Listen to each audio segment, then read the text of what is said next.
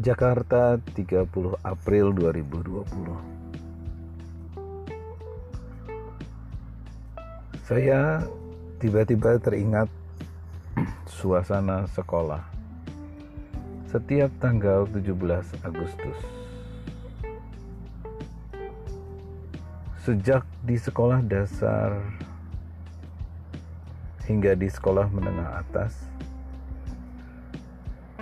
selalu dirayakan dengan upacara bendera.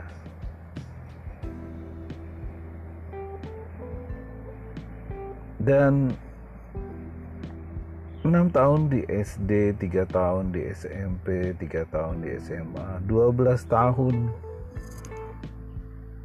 memperingati hari kemerdekaan. Jadi ada kesan bahwa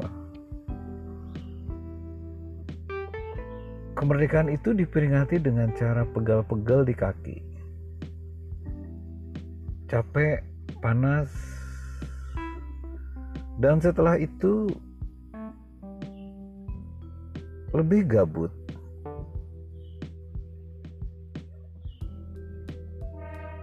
Pernah satu ketika sering kita dipulangkan dengan alasan akan atau diharuskan merayakan kemerdekaan di rumah. Ya, kalau RT-nya bagus, bikin kegiatan, tetapi sering kegiatan itu tidak diadakan tepat tanggal 17. Mungkin hari Sabtu berikutnya atau hari Minggu sebelum tanggal 17. Jadi pulang sekolah capek terus tak ada kesan merdeka. Tanggal 17 berlalu begitu saja dengan bayangan yang tidak menyenangkan. Mungkin satu ketika atau mulai sekarang seharusnya 17 Agustus itu dirayakan dengan gembira. Ya, kalau memang harus ada upacara, bolehlah dibuat upacara yang seringkas mungkin mungkin itu kesempatan untuk uh, ekskul paskibra di sekolah untuk menunjukkan eksistensi diri tapi nggak usah lama-lama lah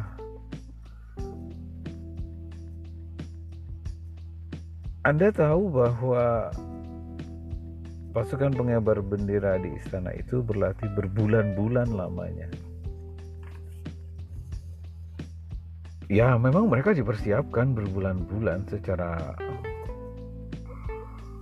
fisik dan mental untuk bisa berupacara lama-lama berat-berat. Sementara pas kibra di sekolah lebih sering mereka latihan setelah pulang sekolah.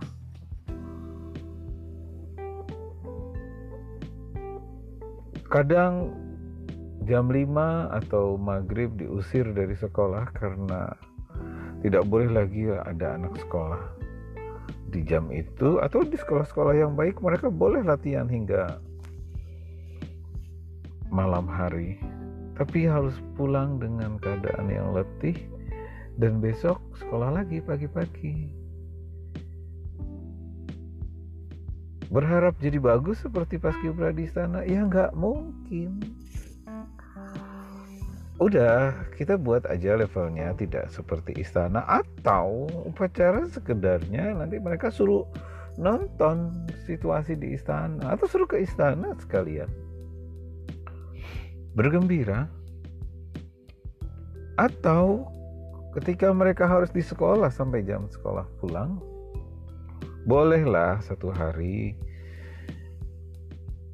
diberikan kesempatan anak-anak untuk bergembira. Walau saya tahu ada sekolah-sekolah yang sebelum atau setelah kemerdekaan menyisihkan hari khusus untuk berbagai lomba dan permainan dalam rangka hari kemerdekaan yang membuat anak-anak gembira. Tapi tetap pegel di upacaranya Nah kalau mau yang upacara besar-besaran ya biarkanlah itu istana negara atau kantor pemerintahan. Tapi buat anak-anak sekolah, please berikan kebahagiaan kepada mereka bahwa oh kita sudah merdeka dan kita sudah bergembira dan kemerdekaan ini memang dirayakan dengan gembira dan membuat mereka jadi bahagia jadi penduduk negeri ini. Jangan kalau setiap tanggal 17 kita kemudian trauma. Belum lagi ada tanggal 28 Oktober, ada 10 November. Coba deh dihitung satu tahun berapa kali kita harus pegel-pegel di lapangan kalau lapangan upacara sekolah kita itu banyak pohon rindang, hmm. tapi kalau lapangannya gersang, panas-panas pula, pernahkah Anda mengamati setiap upacara berapa orang yang pingsan di sekolah Anda? Itu indikasi mereka tidak bahagia. Bahagia itu bisa bikin sehat, guys. Jadi, ayo kita bikin paradigma baru menggembirakan hari kemerdekaan negeri ini. Salam merdeka, belajar merdeka.